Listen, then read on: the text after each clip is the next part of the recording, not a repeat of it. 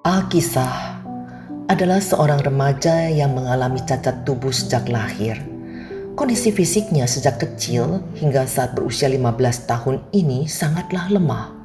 Sehingga untuk berjalan pun harus menggunakan tongkat penyangga. Bahkan kursi roda selalu disiapkan di sekitarnya bila tubuhnya tidak lagi memiliki kekuatan untuk beraktivitas. Walaupun begitu, si remaja tidak pernah menampakkan raut muka sedih. Bahkan senyuman selalu tersungging di setiap kata-kata yang terlontar dari bibirnya.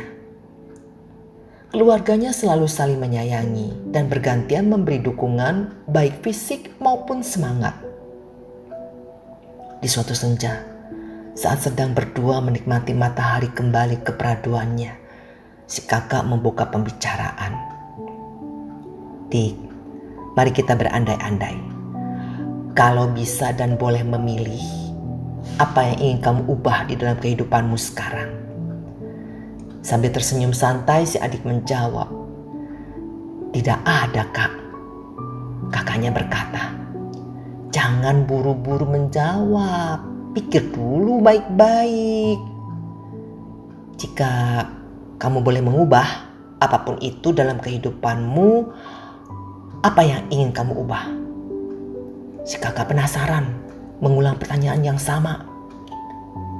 Tidak ada kak. Tidak ada yang ingin aku ubah. Lalu mengapa aku harus mengubahnya? Tanya sang adik balik.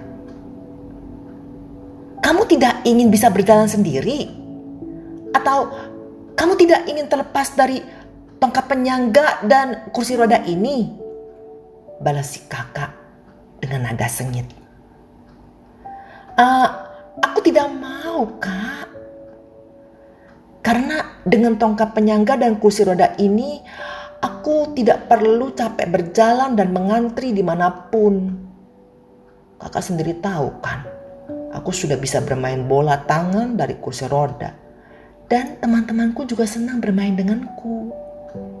Pokoknya tidak ada apa pun yang ingin aku ubah. Katanya meyakinkan.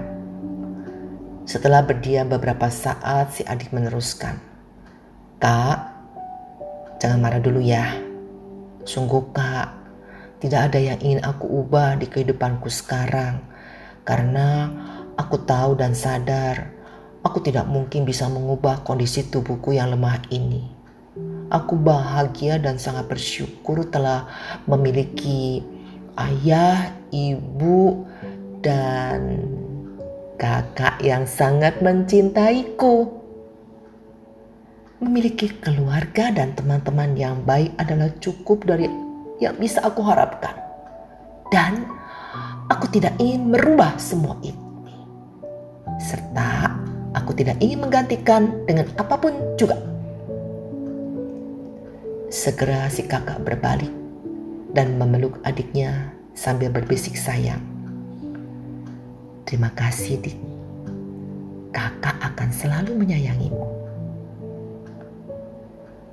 Saudara, banyak orang menderita dalam kehidupannya karena tidak mampu menikmati apa yang telah diperolehnya, tetapi selalu mencari dan menginginkan sesuatu yang di luar jangkauannya selalu meratapi kekurangannya dan tidak dapat berjiwa besar menerima keadaan.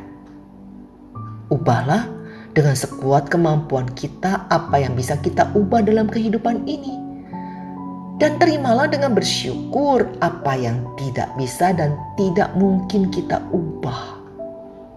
Maka Berbahagialah orang yang mampu menerima keadaannya hari ini apa adanya dan selalu bersyukur tanpa menggerutu, mengeluh, dan mengasihani dirinya sendiri.